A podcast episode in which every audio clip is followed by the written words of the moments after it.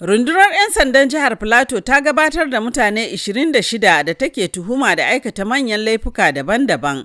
Waɗanda rundunar 'yan sandan ta cafke sun hada da waɗanda take zargi da kisan kai, yin garkuwa da mutane, mallakar bindigogi da makamai ba bisa ƙa'ida ba da wata mace da ta sace 'yar makwabciyarta da sauransu. Kakakin rundunar 'yan sandan jihar Filato DSP Alfred Alabo ya mun ƙarin bayani kan nau'ukan masu aikata laifin. Uh, mun kama wasu da sun keshe babansu da culpable homicide uh, also mun kama wasu da wani mata da ya sata man um, yara wani mun kama ta mun kama wani uh, kidnapping da su yi na student a university of jos. Akwai wasu da suna vandalizing transformer a cikin plateau da wasu da suna siya kayan hannunsu. Dukansu suna hannunmu. Kakakin rundunar 'yan sandan jihar Filato kenan DSP Alfred Alabo. Jihar Filato kamar sauran jihohi tana fuskantar barazanar tsaro saboda yawaitar masu aikata laifi da ke dankare a sassa daban-daban na jihar. Wannan bawan Allah ya ce an kama shi da laifin aikata yin garkuwa da mutane ne daga nan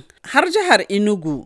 Ni na yi kidnapping ne. Ya ba mu miliyan miliyan huɗu ne. Kudin da wansa wanda sun kama mu sun same mu da shi sun kwashe. Su yan sanda ko?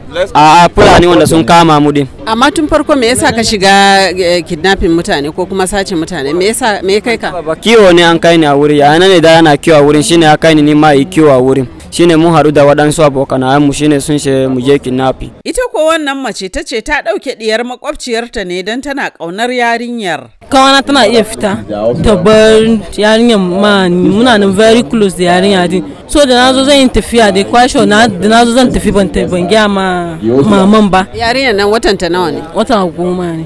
To amma tun farko me yasa kika ɗauki yarinyar kika tafi baki gaya ma maman ba? Ni dai inda ina son yarinyar ne da amma na yi kuskure inda na na tafi da ita. Za a ce kin sace yarinyar kenan? To Shi ko wannan cewa yayi an zarge shi da aikata garkuwa da mutane ne shi da abokinsa da suka haɗu da shi a gidan yarin Jos. Ana zarge na da kidnapping ne. Zargi ba kai ba kenan. Bai na kai ni ban sani ba na kai ya kira ni in kai mai gari ne na sai gari na kai mai. A ina?